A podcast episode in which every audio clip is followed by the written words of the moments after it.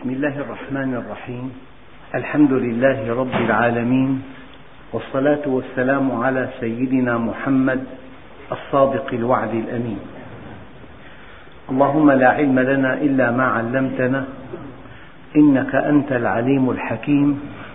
اللهم علمنا ما ينفعنا وانفعنا بما علمتنا وزدنا علما. وأرنا الحق حقا وارزقنا اتباعه. وأرنا الباطل باطلا وارزقنا اجتنابه. واجعلنا ممن يستمعون القول فيتبعون أحسنه. وأدخلنا برحمتك في عبادك الصالحين. أيها الإخوة الكرام مع الدرس السابع والعشرين من دروس سورة المائدة ومع الآية الرابعة والخمسين وهي قوله تعالى أعوذ بالله من الشيطان الرجيم. بسم الله الرحمن الرحيم. يا أيها الذين آمنوا من يرتد منكم عن دينه فسوف يأتي الله بقوم يحبهم ويحبونه. أذلة على المؤمنين أعزة على الكافرين. يجاهدون في سبيل الله ولا يخافون لومة لائم. ذلك فضل الله يؤتيه من يشاء والله واسع عليم.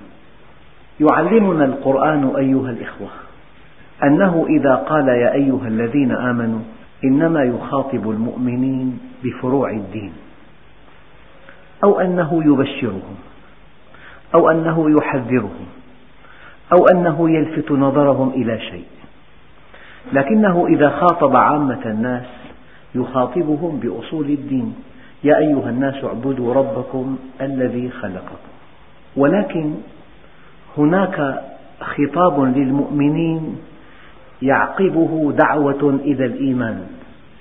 مثل هذه الآية تشكل على بعض المفسرين. يا أيها الذين آمنوا آمنوا. يا أيها القائم قم. قائم. يا أيها الجالس اجلس. هناك إشكال في الآية. لذلك السادة المفسرون فهموا هذه الآية بمعنى أن أيها المؤمن حافظ على إيمانك. أن أيها المؤمن جدد إيمانك لأن الإيمان لا يخلق كما يخلق الثوب. فالإنسان كلما قفز قفزة نوعية ثم ضعفت همته وضعف إقباله عليه أن يجدد إيمانه. بمزيد من العلم بمزيد من الطاعة بمزيد من العمل الصالح. يا أيها الذين آمنوا آمنوا. وحينما تخاطب إنسانا وتأمره بشيء هذا الشيء متمثل فيه فمعنى ذلك أن حافظ على ما أنت فيه. كقوله تعالى يا أيها النبي اتق الله. النبي يتقي الله. إذا حافظ على تقواك وحافظ على مقامك وعلى مكانتك. لذلك هناك محذور كبير أن يكون الإيمان ضعيفا أن تغلب الإنسان الشبهات أو أن تغلبه الشهوات. فإذا غلبته الشبهات طرحت ضلالات طرحت تفسيرات طرحت انتقادات للدين فقد يضعف إيمانه أمام هذه الشبهات أو يضعف إيمانه أمام هذه الشهوات. قد يعيش في عصر الفتن. لذلك الإنسان بحاجة إلى أن يجدد إيمانه أو أن يحافظ على إيمانه في الحد الأدنى. يحافظ على إيمانه بدوام ذكر الله عز وجل. يحافظ على إيمانه بطلب العلم وبالاستزادة من العلم. يحافظ على إيمانه بصحبة الصالحين. يحافظ على إيمانه بأن يكون مع الصادقين. هذا معنى قول الله عز وجل يا أيها الذين آمنوا آمنوا الآية هنا يا أيها الذين آمنوا من يرتد منكم عن دينه. الحقيقة هناك ملمح دقيق جدا من هذه الآية. ذلك أن الإنسان حينما يمرض ويشفى من مرضه يتكون في الجسم مناعة ضد هذا المرض. أو حينما نريد أن نحصن إنسانا من مرض معين نعطيه لقاحا من الجراثيم التي تسبب هذا المرض ولكنها مضعفة إذا أعطي هذا اللقاح يعمل جهاز المناعة على تصنيع مصل مضاد محفوظ في الذاكرة. يغدو هذا الإنسان الذي لقح ضد هذا المرض محصنا من هذا المرض لأنه جاءه بشكل مخفف وهيأ سلاحا فتاكا له وحفظه في الذاكرة وأصبح ذا مناعة ضد هذا المرض. هذا الذي نفعله مع الإنسان تحصينا له من الأمراض. فعله الله عز وجل مع المؤمنين تحصينا لهم من الارتداد. فأخبرهم أن هناك من يرتد عن دين الله. لا تعجب. والذي يرتد عن دين الله ينبغي ألا يتوهم أنه يستطيع أن ينال من هذا الدين. هذا الدين دين الله. والله عز وجل يتولى حفظه بذاته. ولا تقلق على هذا الدين. ولكن اقلق ما إذا سمح الله لك أو لم يسمح أن تكون أحد جنوده. لذلك يطمئن الله المؤمنين ويعطيهم لقاحا ضد الارتداد. يا أيها الذين آمنوا من يرتد منكم عن دينه فسوف يأتي الله بقوم يحبهم ويحبونه. لي تجربة متواضعة في تدريس الإعجاز العلمي في الكتاب والسنة. قدمت لطلابي بحثا من موقع معلوماتي يهاجم القرآن من خلال الإعجاز. يأتي بقضية عدها العلماء إعجازا وينقض هذا الموضوع العلمي تمهيدا لنقض القرآن. حتى أعطي الطلاب مناعة ضد هذه المواقع الفتاكة التي تهاجم القرآن. هذا نموذج وهذا هو الرد.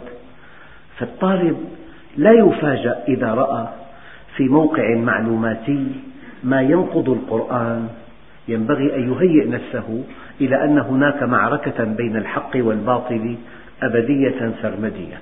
هذه معركة الحق والباطل قدرنا والعبرة لا فيما يصيبك بل كيف تقف مما يصيبك. في حقيقة دقيقة جدا. العبرة لا أن تكون فقيرا أو غنيا. البطولة أن تقف من الغنى موقف الشاكر وأن تقف من الفقر موقف الصابر. أن تقف من الصحة موقف الشاكر من المرض موقف الصابر. الذي تحاسب عليه لا الذي ينالك من قضاء الله وقدره. تحاسب على موقفك من قضاء الله وقدره. لذلك فيما تروي الروايات أن جبريل عليه السلام خير النبي صلى الله عليه وسلم. قال أتحب أن تكون نبيا ملكا أم نبيا عبدا؟ فقال بل نبيا عبدا. أجوع يوما فأذكره وأشبع يوما فأشكره. ذكرت لبعض الإخوة الكرام شرحا لهذا الحديث أننا لو أخذنا مئة قوي لا ينجو من هؤلاء إلا قلة قليلة لأن القوة مزلة قدم. لو أخذنا مئة ضعيف ينجو منهم ثمانون بالمئة. لو أخذنا مئة غني لا ينجو منهم إلا قلة قليلة لأن الغنى مظنة الزلل والكبر والسيطرة واتباع الشهوات. ولو أخذنا مئة فقير ينجو منهم ثمانون. لذلك النبي عليه الصلاة والسلام كان قدوة لنا علمنا كيف أنه في بعض الصفات السلبية تكون أقرب إلى العبودية وأسلم لدينك وأنجى لك من صفات إيجابية قد تكون حجابا بينك وبين الله. والله أيها الإخوة حقيقة عاينتها معاينة دقيقة أن الرخاء الكبير في بعض البلاد كل الأمور ميسرة دخل كبير طبيعة جميلة حقوق الإنسان مقدسة هناك. ترى في هذه البلاد بعدا عن الله لا يصدق. ترى في هذه البلاد تصحرا دينيا جفافا في قلوبهم غفلة لا تحتمل عن ربهم. وتجد في بعض البلاد الأخرى التي فيها مشكلات وأزمات وضغوط شديدة أحيانا وتهديد بالعدو. تجد أن الناس أقرب إلى الله من هؤلاء بكثير. هم مع الله. إن هذه الشدة دفعتهم إلى الله ألجأتهم إلى باب الله. فلذلك مرة رأيت في متحف في إسطنبول جوهرة من الألماس البرلنط سألت عن قيمتها فقالوا 150 مليون دولار. هي أكبر جوهرة في العالم. موضوعة في متحف وكأنها شمس تشع. سألت هذا الألماس ما أصله؟ قال من الفحم. قلت لو جئنا بفحمة بحجم هذه الجوهرة كم ثمنها؟ أقل من قرش. بين القرش وبين المية وخمسين مليون دولار. مسافة كبيرة جدا. طيب كيف تحول الفحم إلى ألماس؟ من شدة الضغط والحرارة. فالإنسان إذا ضغط عليه كثيرا وكان على إيمان وعلى علم وكان على معرفة يغدو جوهرة. محمد بشر وليس كالبشر فهو جوهرة والناس كالحجر. الفرق بين مؤمن وغير مؤمن الفرق لا, لا يتصور. كيف أنك إذا كنت جائعا جوعا شديدا؟ وجلست إلى مائدة عليها لحم مشوي وهو طازج من أفضل أنواع اللحم. كيف تقبل على هذا اللحم؟ إقبالا رائعا. لو أنك مررت بحيوان ميت قبل بضعة أيام وتفسخ اللحم وفاحت منه رائحة لا تقابل. كلا الحالين لحم لحم جذبك ولحم أخرجك من جلدك. وكلاهما لحم. وقد تجد إنسان مؤمن تنجذب إليه تنجذب إلى علمه إلى خلقه إلى تواضعه إلى سكينته إلى عفته إلى أمانته إلى صدقه إلى مصداقيته إلى وضوحه إلى براءته إلى صفائه. وقد تجد إنسانا كيفما عاملته أذاك وكيفما سألته غشك وحينما تستعين به يخيب ظنك. هذه المشكلة أيها الإخوة. فلذلك الله عز وجل يعطينا لقاحا أنه قد تجد من يرتد عن هذا الدين وقد تجد من يهاجم هذا الدين وقد تجد في بعض المواقع المعلوماتية من يهاجم القرآن الكريم وهناك كتب لا تعد ولا تحصى. كل يوم تظهر تطعن في هذا الدين. وفي مصداقية هذا الدين وفي أحقية القرآن الكريم. والحقيقة أن الله عز وجل يقول وكذلك جعلنا لكل نبي عدوا. شياطين الإنس والجن يوحي بعضهم إلى بعض زخرف القول غرورا. ولو شاء ربك ما فعلوه فذرهم وما يفترون. ولتصغى إليه أفئدة الذين لا يؤمنون بالآخرة. وليرضوه وليقترفوا ما هم مقترفون. فهذا الذي يرتد عن دين الله لا يتوهم أنه يستطيع أن يقوض دعائم الدين. الدين دين الله وإن الذين يريدون إطفاء نور الله كمن يريد إطفاء الشمس بنفخة من فمه. هذا يحتاج إلى مستشفى المجانين. يريدون ليطفئوا نور الله بأفواههم. والله متم نوره لذلك أشقى إنسان على وجه الأرض من يقف في خندق مناهض للدين. الله عز وجل يقول إن تتوبا إلى الله فقد صغت قلوبكما. وإن تظاهرا عليه فإن الله هو مولاه. وجبريل وصالح المؤمنين والملائكة بعد ذلك ظهير. يا رب امرأتان أخطأتا. فإن الله هو مولاه وجبريل وصالح المؤمنين والملائكة بعد ذلك ظهير. يعني امرأتان انتقدتا نظاما معينا. أيعقل أن يستنفر الجيش كله والطيران كله والجيش البري كله والبحري كله وأجهزة الأمن كلها. معقول؟ قال العلماء هذا الذي يقف في خندق مناهض للدين يجب أن يعلم من هو الطرف الآخر. من هو الطرف الآخر؟ إنه خالق الأرض والسماوات. لذلك أيها الإخوة نحن كمسلمين معنا منهج السماء ولكن لا نعرف قيمته. معنا خطاب السماء إلى الأرض. معنا في منهج خلاص العالم. ولكننا مقصرون في فهمه وفي تطبيقه وفي حسن عرضه على الآخرين. يا أيها الذين آمنوا من يرتد منكم عن دينه يمكن أن يرتد الإنسان عن دينه. ومسيلمة الكذاب ارتد عن الدين. وكتب إلى محمد صلى الله عليه وسلم من مسيلمة رسول الله إلى محمد رسول الله. ما استطاع أن ينفي عن النبي الرسالة. أما بعد فإن الأرض نصفان نصفها لي ونصفها لك. فأجابه النبي عليه الصلاة والسلام من محمد رسول الله إلى مسيلمة الكذاب. سلام على من اتبع الهدى. إن الأرض لله يورثها من يشاء من عباده والعاقبة للمتقين. لو يتاح لكم أن تقرأوا ما جاء به مسيلمة الكذاب ومن يرتد عن دين الله من تقليد للقرآن لا تستطيعون أن تملكوا أنفسكم من الضحك. لأن كل ذرة في جسمك وكل خلية في جسمك وكل قطرة في دمك تشعر أن هذا القرآن كلام الله. أما إذا قرأت كلاما مزورا منحولا تشعر بكل ذرة في جسمك وكل خلية وكل قطرة أنه كلام إنسان لا وزن له عند الله إطلاقا. فالله عز وجل حينما يرتد الإنسان عن دينه لا يستطيع أن يفعل شيئا ضد هذا الدين إنما يسيء إلى نفسه فقط. كأن هذه الآية تنبئ المؤمنين ولا سيما في عهد رسول الله الأمين وبعده في عهد الصحابة أجمعين. هناك ارتداد جرى في عهد رسول الله. والآية تثبت للصحابة الكرام الذين تولوا الأمر من بعد رسول الله أن هناك ارتداد سيكون. وهذا من إعجاز القرآن الإخباري. من إعجاز القرآن الإخباري.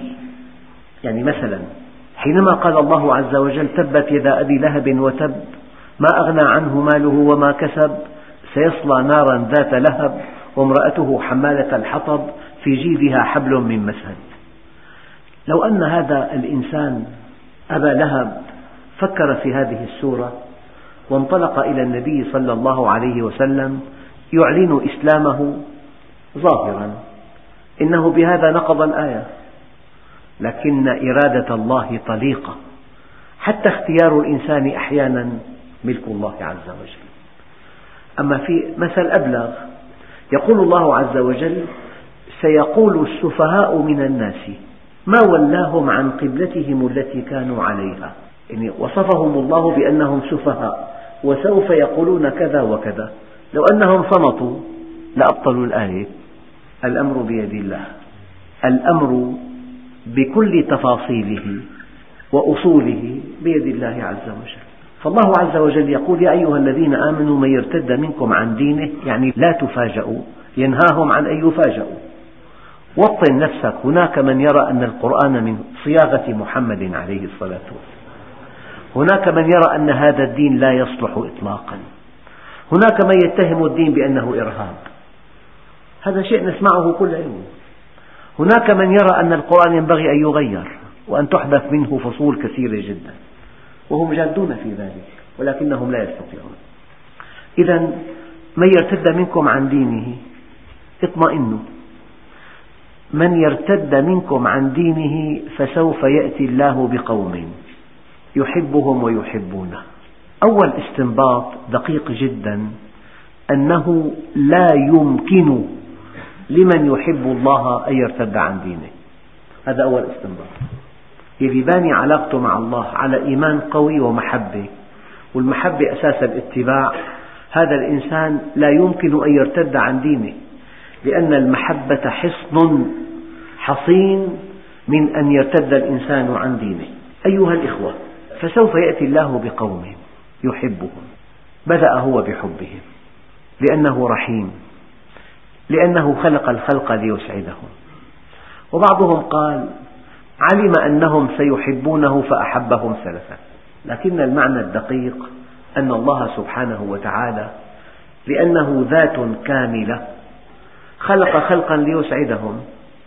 أما إذا قلت لي الناس في شقاء هذا شيء واقع هذا الشقاء من صنع أنفسهم لأنهم مخيرون ولا بد لاختيارهم أن يأخذ أبعاده. إنا عرضنا الأمانة على السماوات والأرض والجبال فأبين أن يحملنها وأشفقن منها وحملها الإنسان. لأن الإنسان قبل حمل الأمانة من بين كل المخلوقات كان سيد هذا الكون كان المخلوق الأول. لذلك تكريما له سخر الله له ما في السماوات وما في الأرض جميعا منه. الإنسان مكرم وهو المخلوق الأول لأنه قبل حمل الأمانة والأمانة نفسه التي بين جنبيه. ومن لوازم حمل الأمانة أن الله جعله مخيرا. صاحب اختيار صاحب إرادة. فإذا أراد الدنيا وأراد الشهوات وأراد البغي والعدوان فله ذلك. الله يبعث إليه الأنبياء وينزل عليهم الكتب ويهيئ الدعاة. من شاء فليؤمن ومن شاء فليكفر. إنا هديناه السبيل إما شاكرا وإما كفورا. أما لماذا يوقع الله المصائب بالعباد؟ هذا معنى آخر. لأن الله سبحانه وتعالى إنما يسوق هذه الشدائد لعباده كي يعودوا إليه كي يصطلحوا معه كي يقبلوا عليه كي يتوبوا إليه كي يسعدوا بقربه في الدنيا والآخرة. أرأيت إلى هذه المركبة؟ ما علة صنعها؟ السير.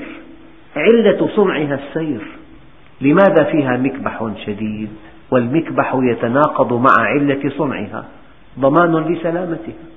الإنسان خلق للسعادة. لماذا الفقر؟ لماذا المرض؟ لماذا الخوف؟ لماذا ولماذا من أجل أن تكون هذه المصائب التي تأتي في الدنيا لتحول بين الإنسان وبين الشقاء الأبدي. قال تعالى ولنذيقنهم من العذاب الأدنى دون العذاب الأكبر لعلهم يرجعون. أيها الإخوة الحب له معنيان له معنى عقلي وله معنى عاطفي. إنسان مريض ومرضه يقلقه ويؤلمه. ذهب إلى طبيب متفوق وصف له دواء دواء مرا. هذا الدواء لم يجده. بحث عنه في كل مكان سافر إلى بلد مجاور وأتى بهذا الدواء وهو سعيد أكبر السعادة بأنه حصل على هذا الدواء وهو مر. طيب لماذا أحب هذا الدواء؟ هذا حب عقلي لا حب عاطفي. الإنسان يحب الطعام الطيب يحب الشراب اللذيذ يحب الأكلة الفاخرة لا يحب دواء مرا. هذا حب عقلي. فالإنسان حينما يحب الله يبدأ حب الله في قلبه عقليا. هو الذي خلقني أمري بيده مصيري إليه. هو المسير هو المربي هو الواحد. بيده مقاليد السماوات والأرض. بيده من فوقي بيده من تحتي. بيده من معي بيده صحتي بيده رزقي. فكلما أيقن أن الله بيده كل شيء وأنه وحده هو المعطي والمانع والرافع والخافض والمعز والمذل. يحبه حبا عقليا بادئ ذي بدء. فإذا أحبه حبا عقليا وأطاعه وبعد أن أطاعه أقبل عليه فأحبه حبا عاطفيا. عندئذ يقول فليتك تحلو والحياة مريرة وليتك ترضى والأنام غضاب. وليت الذي بيني وبينك عامر وبيني وبين العالمين خراب. وليت شرابي من ودادك سائغ. وشربي من ماء الفرات سراب. إذا صح منك الوصف فالكل هين وكل الذي فوق التراب تراب. يبدأ الإنسان بمحبة الله بعقله. يفكر في خلق السماوات والأرض. يفكر في طعامه وشرابه. يفكر مما خلق. يفكر في الإبل كيف خلقت. في السماء كيف رفعت. في الجبال كيف نصبت. يفكر في الفجر وليال عشر. في الشمس وضحاها. يفكر في ذاته أقرب الناس إليه.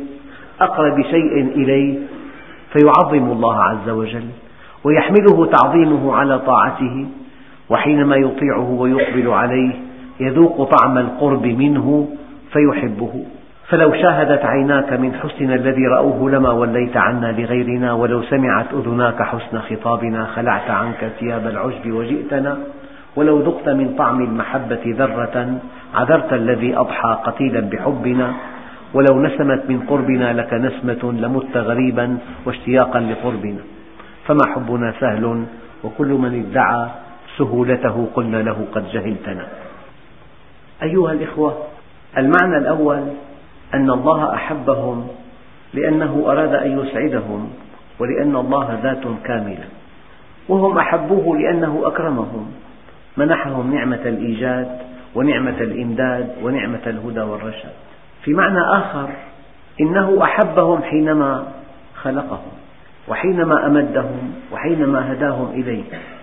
هم إذا استجابوا له وأقبلوا عليه واصطبغوا بصبغته يحبهم محبة ثانية محبة الإيجاد ومحبة الطاعة والإخلاص والوفاء والكمال. لذلك هذا الدين مبني على الحب.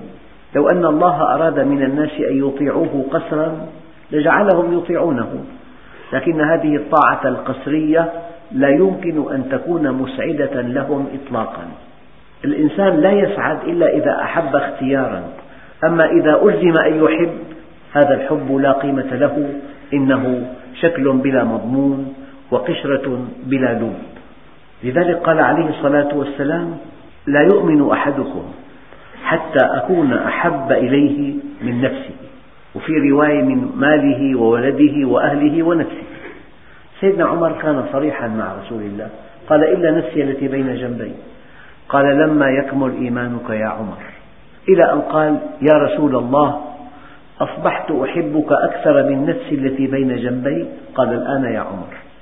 يعني إذا الإنسان لا يشعر بحب لله عز وجل وحب مشتق من حبه لله أن يحب المؤمنين والصالحين.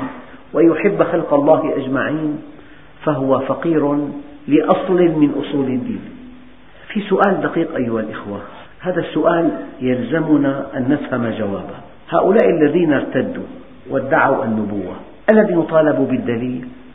النبي معه معجزات لماذا لم يطالبوا بالدليل؟ ولماذا آمن الذين آمنوا بهم من دون دليل؟ الجواب بسيط جدا لأنهم لم يأتوا بمنهج بل خففوا المنهج. الذين ارتدوا وادعوا النبوة ألغوا الصلاة. والشيء الطريف جدا أن بعضهم ألغى الصلاة وألغى الصيام وسمح لأتباعه أن يرى بعضهم نساء بعضهم الآخرين. يعني وضع يده على شهواته خفف التكاليف عنه. لذلك ما من دعوة ضالة مضلة من بعثة النبي إلى يوم القيامة إلا وفيها خصائص. تأليه الأشخاص. أما في الدين التعظيم للمنهج ولو تقول علينا بعض الأقاويل لأخذنا منه باليمين ثم لقطعنا منه الوتين فما منكم من أحد عنه حاجزين. ولولا أن ثبتناك لقد كدت تركن إليهم شيئا قليلا. إذا لأذقناك ضعف الحياة وضعف الممات. في المنهج الإلهي التعظيم للمنهج. أما في منهج أهل الأرض التعظيم للشخص لذلك المنهج يكبر فيصغر الشخص.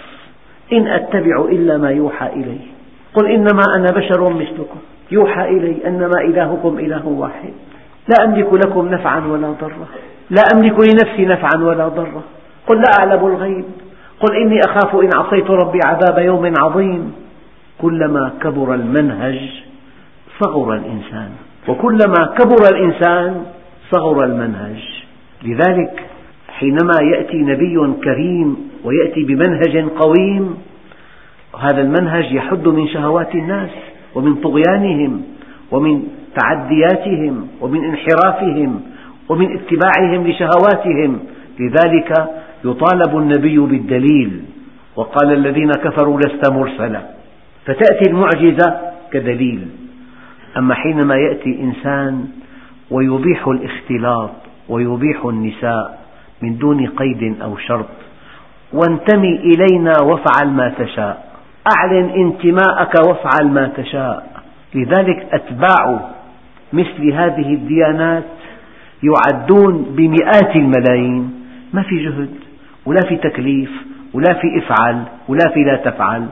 افعل ما تشاء أعلن انتماءك إلينا وانتهى الأمر.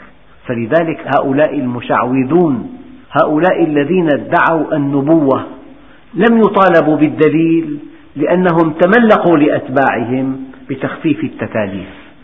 لذلك جميع الدعوات الضالة من بعثة النبي إلى يوم القيامة تتسم بتأليه الأشخاص وتخفيف التكاليف واعتماد النصوص الموضوعة والكاذبة والنزعة العدوانية.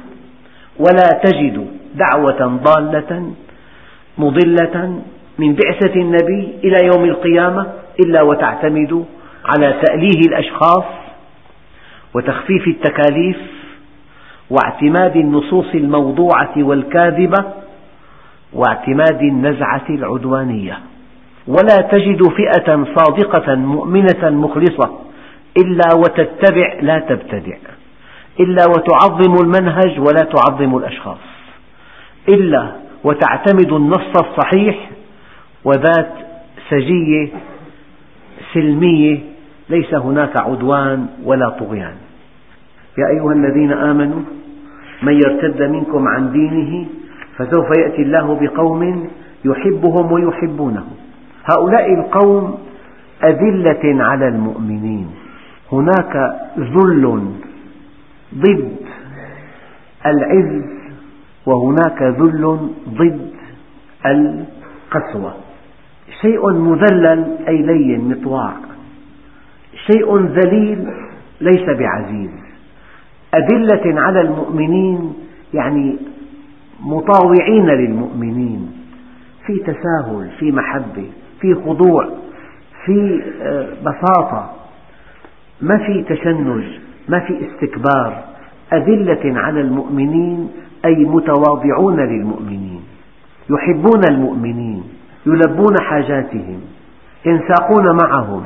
أذلة على المؤمنين أعزة على الكافرين. والمصيبة الكبيرة أيها الإخوة في إنسان إذا عامل مؤمنا ضعيفا سحقه. أما إذا عامل كافرا قويا خضع له وكأنه ظله ليس هناك من لؤم يفوق هذا اللؤم. أن تسحق الضعيف وأن تذل أمام القوي. لذلك قال عليه الصلاة والسلام إنما تنصرون بضعفائكم. هذا الضعيف الذي تملك أن تسحقه فأكرمته. هذا الضعيف الذي تملك أن تحرمه فلم تحرمه. هذا الضعيف الذي تملك أن تهينه فأكرمته.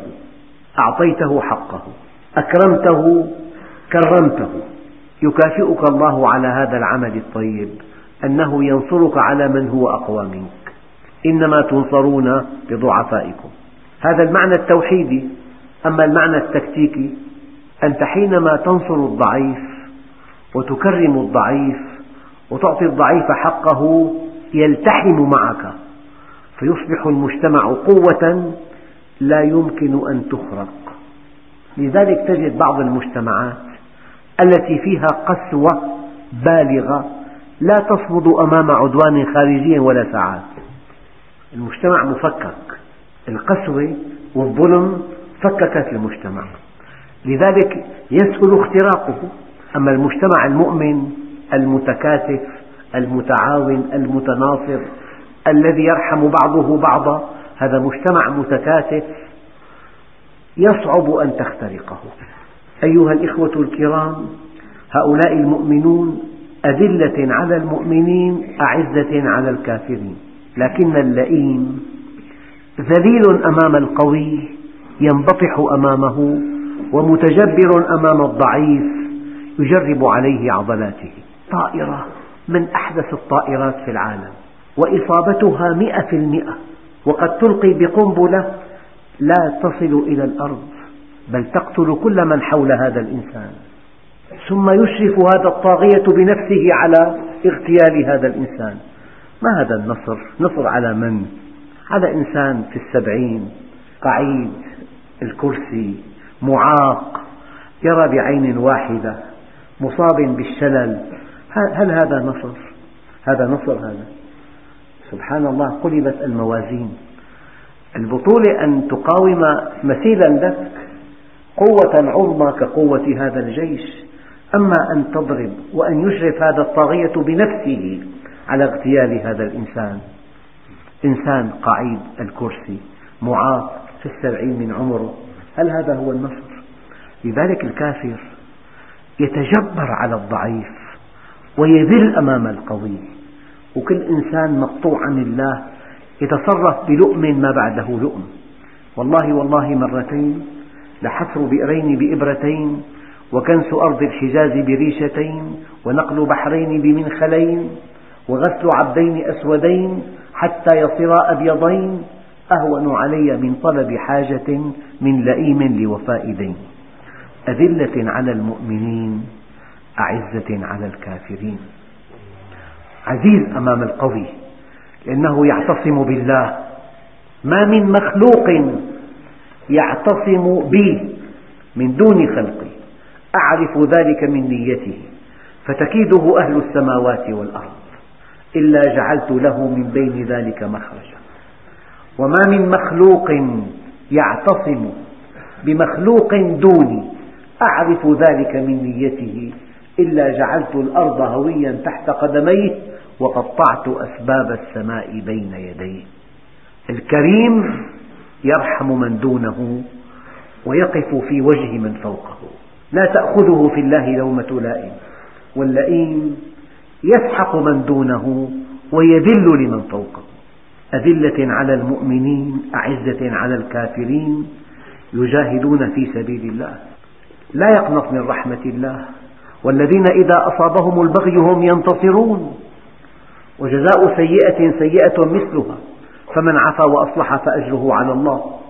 ولا يخافون لومة لائم. إذا لم تستح فاصنع ما تشاء. إذا لم تستح من الله. إذا كان عملك وفق المنهج الإلهي وفق الضوابط الشرعية لا تعبأ بكلام الناس. ولا يخافون لومة لائم. والذي يعبد الناس من دون الله يخاف على سمعته ويرجو أن يعظموه وأن يوقروه ومع ذلك لا يسلم منهم أبدا. كيفما تحركت هناك من ينتقدك؟ ركب جحا على الحمار ومشى ابنه فانتقده الناس. ما هذا الأب القاسي؟ أركب ابنه ومشى ما هذا الابن العاق؟ ركبا معا ما هذه القسوة على الحمار؟ مشيا ما هذا الجنون في رؤوسهم؟ يركبوا الحمار. طيب ماذا بقي أن يحملا الحمار؟ كيفما تحركت هناك من ينتقدك. لذلك إذا لم تستحي فاصنع ما تشاء.